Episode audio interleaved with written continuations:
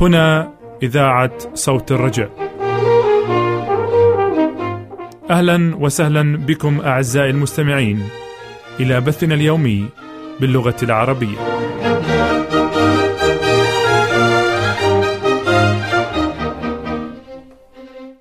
أرق وأجمل تحية يقدمها لكم أعزائي المستمعين من وراء ميكروفونات صوت الرجاء منير سلام راجيا لكم قضاء وقت ممتع مع عظة اليوم.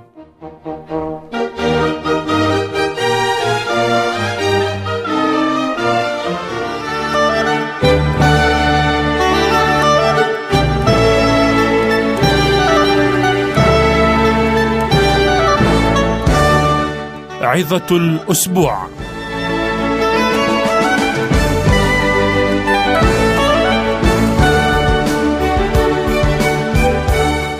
الغيرة المرة.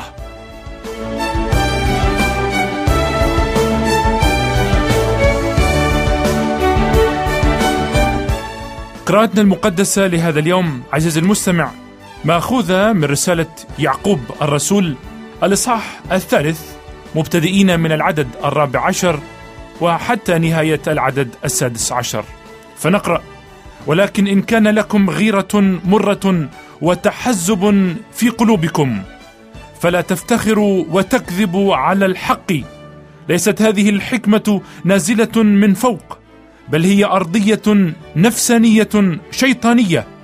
لأنه حيث الغيرة والتحزب هناك التشويش وكل أمر ردي.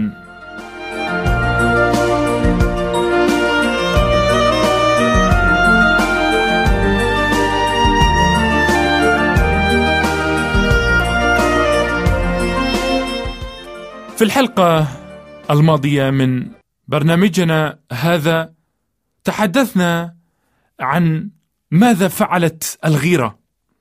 هذه الغيرة المرة السامة القاتلة لكل نمو روحي ولكل فضيلة مقدسة. واليوم سنكمل حديثنا عن هذه الغيرة المرة وسنتحدث عن أسباب هذه الغيرة القاتلة. فالسبب الأول لهذه الغيرة القاتلة هو الأنا حب المدح الكبرياء. فالشخص الأناني يزكي نفسه باستمرار بل دائما يريد أن يأخذ دون أن يعطي. ففي أنانيته وإعجابه بنفسه تنشط ذاته بحب المديح. بل تنشط خطواته للسعي وراء الكرامة فيرتفع أنفه في غطرسة وكبرياء. ففي كبريائه وأنانيته لا يحتمل مديح الغير أو تقدم الغير فيملأ الحسد قلبه ويلتهب بنار الغيرة المرة. فالكبرياء عزيز المستمع هو أم الحسد والغيرة. الشيطانية النفسية الأرضية. كما أن السبب الثاني للغيرة هو ضعف المحبة. فحينما تنطفئ المحبة من القلب يصبح معناها الحقيقي أن يتمنى الإنسان الشر للآخرين فلا بذر للمحبة في حياته بل يفرح ويسر بسماع أخبار الفشل والإهانة التي تلحق بالآخرين. لا بل أنه يحب أن يشمت بقلبه وبفكره في الآخرين. بل في ضعف محبته يتمنى الضرر لأقرب المقربين. وتمتلك الغيره على القلب فيصير حسودا. فينسى أن المحبة لا تحسد ابدا. نعم عزيزي المستمع ضعف المحبة وانطفاء المحبة من القلب هو سبب رئيسي في الغيرة وعدم محبة الخير للآخرين. كما أن السبب الثالث للغيرة هو الفهم الضيق. فحينما يغش العقل ويخشى بغشاوة ويظن الإنسان أن في تكريم ونمو الآخرين نقصا له وهدما لحياته. يمتلئ القلب بالغيرة ويفيض منه سم الحسد القاتل والغيرة القاتلة الشيطانية الأرضية النفسية الذي يقتل أخاه من خلالها. لا بل ويقتل نفسه كذلك. أما السبب الرابع من أسباب الغيرة فهو الرغبة في التملك الطمع. فشخص في حبه للتملك يمتلئ القلب بالطمع فلا يشبع ولا يقنع بل يرى في الآخرين منافسين دائمين له. يرى في الآخرين منازعين لحقه في امتلاك ما يريد. فينفث القلب كرها وحسدا وغيرة متمنيا أن يزيحهم من الطريق. فيتمنى بل يطلب لهم الرد الرديء السيء.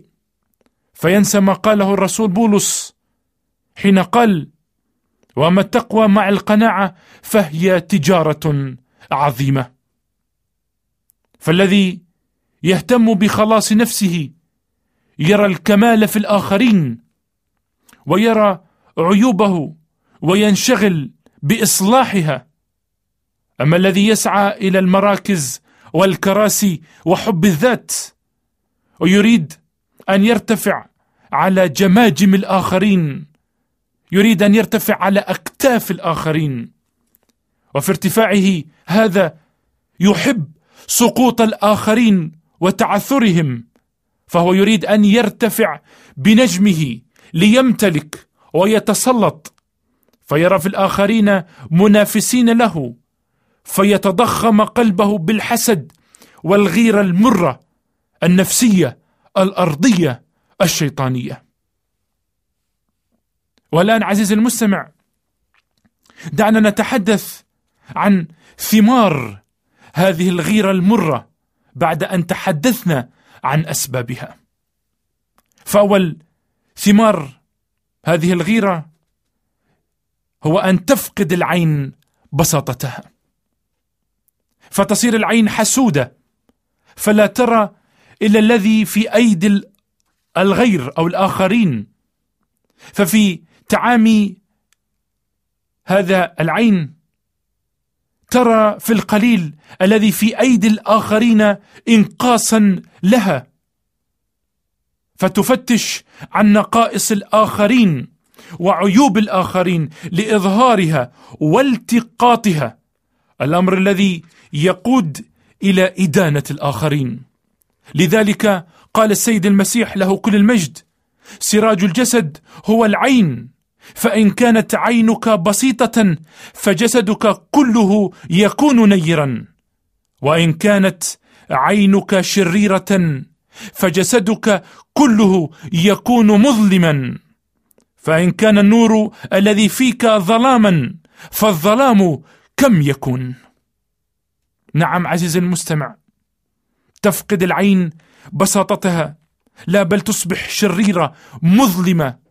لا تحب الخير للآخرين. ثانيا ثمار الغيرة المرة هو الإدانة التشهير والتجريح بالآخرين.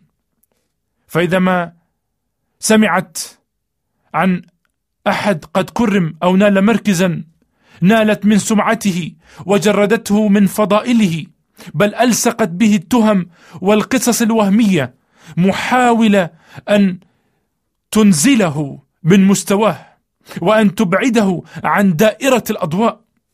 نعم تحاول الغيره المره أن تنال من سمعة الآخرين وأن تلصق بهم التهم وتخترع القصص الوهمية لمحاولة إنزال ذلك الشخص وإنقاص نفعه لمنفعته الشخصية. كما أن ثالث ثمرة من ثمار الغيرة المرة هي الكراهية. فالغيرة تولد الكراهية في القلب. فلا تعد الأذن قادرة على سمع سماع كلمات طيبة ولا العين قادرة على رؤية عطايا جيدة بل تملأ القلب كراهية وحقدا للآخرين. أما رابع ثمرة من ثمار هذه الغيرة فهي الكراء الكآبة والتنهد. فما أقساها من ثمار إنها ثمره مرة. كلما رأت إنسانا كرم لا ينام أبدا بل يبقى نكدا وحزينا متنهدا. وكلما سمع أن آخر أخذ مركزا كلما ازداد غما وحزنا لأن غيظه ينسكب كالنار. لا ينام من الكآبة والتنهد. هذا هو أهم ثمار هذه الغيرة. أما خامس سبب والسبب الأخير لنقول في هذه الحلقة من ثمار الغيرة هو الاعتداء على الآخرين. فتحت ستار الإصلاح والمحبة وما إلى ذلك تنتهز الغيرة الفرصة لتتعدى على الأبرياء الأنقياء. مظهرة بشاعة الغيرة من داخل القلب. وفي اعتدائه يبرر تصرفاته الصارخة بالمحبة والتضحية. يضع الآخرين بسبب غيرته. يعتدي عليهم لكي يرتفع ويسمو يقول بأنهم كفره بعيدين عن الله وإلى غير ذلك بسبب الغيرة فيعتدي على الآخرين. نعم عزيزي المستمع هذه الغيرة المرة هي غيرة أرضية نفسانية شيطانية ليس لها أي صلة بالله. العزيز الحكيم الرؤوف الطويل الروح الذي يرحم ولا يحسب لنا خطايانا. نعم عزيزي المستمع. وقد تتساءل الآن كيف نتخلص من هذه الآفة؟ كيف نتخلص من هذا المرض الذي يقتل حياتنا الروحية؟ أول شيء عزيزي المستمع أريدك أن تتأمل في عطايا الله لك. فالله عادل في عطاياه هو غني في هباته فهو يعطي ما هو لازم لخلاصك وما هو مناسب لحياتك. فإذا أدركت هذه الحقيقة فإنك وبدون شك ستحيا في شكر وحمد وتسبيح لاسمه العظيم. وبالتالي فلن تحسد غيرك على عطية الله له لأنه كما أعطاك أعطى الآخرين. وصدقني بأن عطية الغير لا تصلح ابدا لك ولأي واحد آخر. ثانيا عزيزي المستمع اطلب بلجاجه في كل صلواتك أن يحررك الله من الحسد والغيرة ويعطيك روح المحبة للآخرين روح البذل من أجل الآخرين. فإذا وجد قلبك ووجدت قلبك يغار من إنسان فعليك أن تضاعف محبتك وهداياك ولطفك وصلواتك اتجاه ذلك الشخص. والأهم الا تطلق العنان لأن تتكلم عليه لا بالجيد ولا بالرديء. فالرسول بطرس يقول ولكن قبل كل شيء لتكن محبتكم بعضكم لبعض شديدة لأن المحبة تستر كثرة من الخطايا. نعم عزيزي المستمع بادل هذه المحبة مع الآخرين. صلي من أجلهم ابذل لهم. نعم لتكن روح المحبة هي ما تسيطر على حياتك. هذه المحبة التي جاء السيد المسيح ليعلمك إياها. هذه المحبة التي صلبت السيد المسيح على عود الصليب لأنه هكذا أحب الله العالم حتى بذل ابنه الوحيد لكي لا يهلك كل من يؤمن به بل تكون له الحياة الأبدية. والسيد المسيح يطلب منك عزيزي المستمع أن تحب قريبك كنفسك. ثالثا لتتأمل عزيزي المستمع في حياة الآباء والأنبياء كيف أنهم فرحوا بالآخرين وتمنوا لهم نموا وازدهارا والحقيقة بأن في نمو الآخرين نموا لنا نحن أيضا وأنه في تكريم الآخرين إكراما لنا نحن أيضا. لقد خرج موسى وكلم الشعب بكلام الرب وجمع سبعين رجلا من شيوخ الشعب وأوقفهم حول الخيمة فنزل الرب في سحابة وتكلم معه وأخذ من الروح الذي عليه وجعل على السبعين رجلا الشيوخ. فلما حلت الروح تنبأوا ولكنهم لم يزيدوا.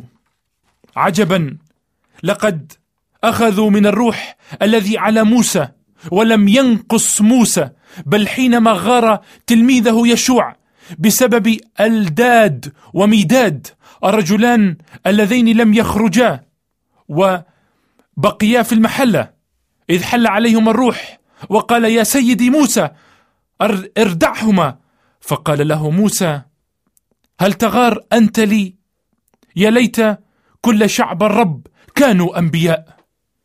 ويقول المرنم داود بالرب تفتخر نفسي. يسمع الودعاء فيفرحون. نعم عزيزي المستمع الغيرة تقتل صاحبها فقط. أما الآخر فيزيده الرب يزيده من بره بل يفجر نوره كالشمس الظهيرة. لذا ينبغي أن تفرح وتسر في نجاح ونمو الآخرين. وتذكر بأن الغيظ يقتل الغبيه والغيرة تميت الأحمق. نعم عزيزي المستمع وكما قلنا بين الرسول يعقوب في قراءتنا يصف الغيرة والكبرياء بالحكمة الخاطئة ويتحدث عن نتائجها فيقول بأنها أرضية نفسية شيطانية لأن مصدرها الشيطان وليس الله. لأنها لا تقوم بعمل ما يسر الله بل تعمل ما يسر الشيطان ما يسر الطبيعة الخاطئة فينا. وقد قال أحدهم إن الله يأمرنا بأن نظهر للآخرين نفس الحنان الذي يظهره هو لنا. فلينظر المندفعون والمتكلون على أنفسهم ومحبو الانتقام وليشاهدوا ذاك الوديع الهادئ وهو يساق كشاة إلى الذبح وبدون أن يتأثر لنفسه. كان كنعجة صامتة أمام جزيها لينظروا إلى من قد طعناه بخطايانا وأوجاعنا تحملها حتى يتعلموا أن يحتملوا ويصبروا ويغفروا فعن طريق الإيمان بالمسيح يمكن سد فراغ كل نقص في الخلق وتطهير كل نجاسة وتصحيح كل خاطئ وإنماء كل فضيلة وتفوق. نعم عزيزي المستمع دعاء اليوم أن تكون صلاتك أستطيع كل شيء في المسيح الذي يقويني لتتخلص من الغيرة المرة القاتلة. فالمحبة فلتكن بلا رياء. صلي عزيزي المستمع للرب يسوع الآن حتى يطرد هذه الغيرة من حياتك ونحن نستمع إلى هذه الترنيمة.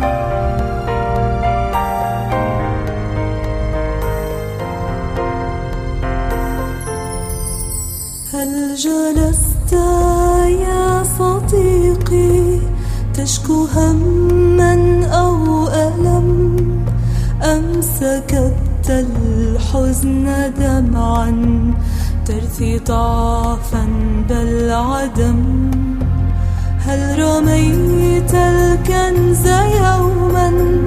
إذ هزئت بالخلاص وبقيت اليوم عبدا. يجري خوفا من قصاص.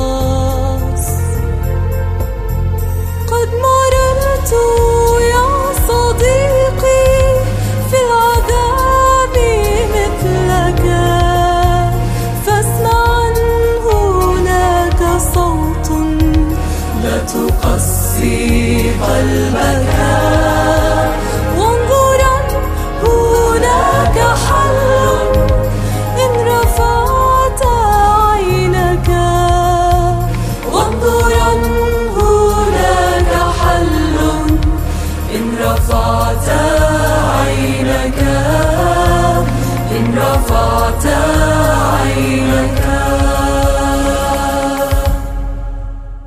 هل تعبت من فؤاد أضحى صخرا لا يلين فيه قد ناقشت إثما أمس قيدا مع أنين يفقد الأيام معنى ينسي وعدا في الأنام وعد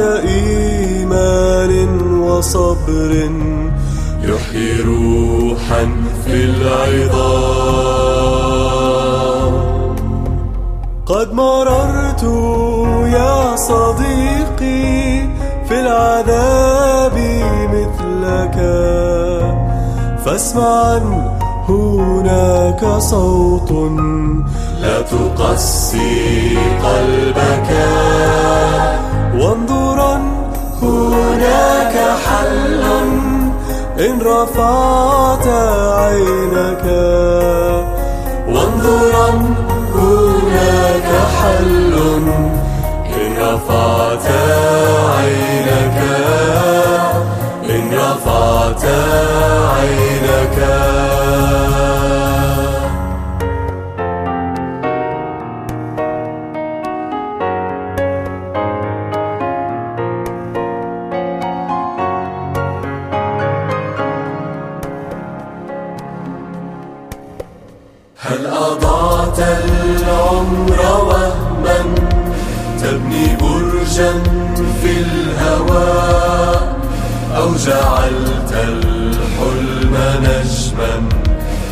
راح يعلو في السماء.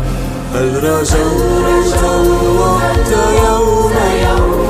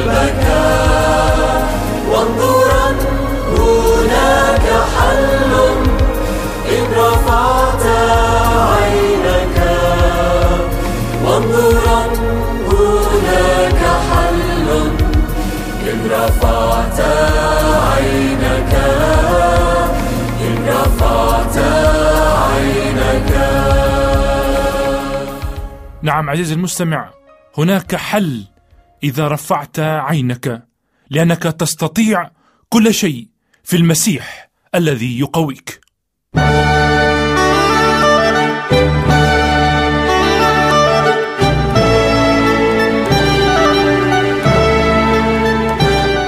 رافقكم منير سلام في عظة الأسبوع وإلى اللقاء مع عظة قادمة بعون الله.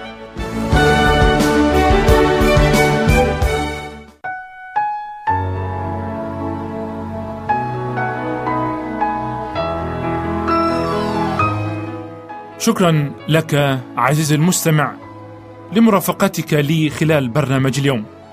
راجيا من الله بأن ما قد قدمته قد نال إعجابك ونلت منه البركة المرجوة. وسأكون في غاية الفرح لأن أبعث لك بنسخة من دروسنا بالمراسلة أو بنسخة من مطبوعاتنا. وسأكون أيضا في غاية السعادة لاستلام أسئلتك واستفساراتك ومقترحاتك وانطباعاتك والرد عليها شخصيا. وإذا ما اردت المزيد من المعلومات بشأن برامجنا باللغة العربية فاكتب لي على العنوان التالي.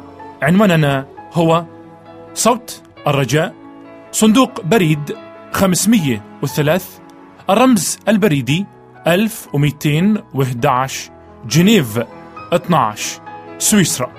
أعيد العنوان باللغة العربية.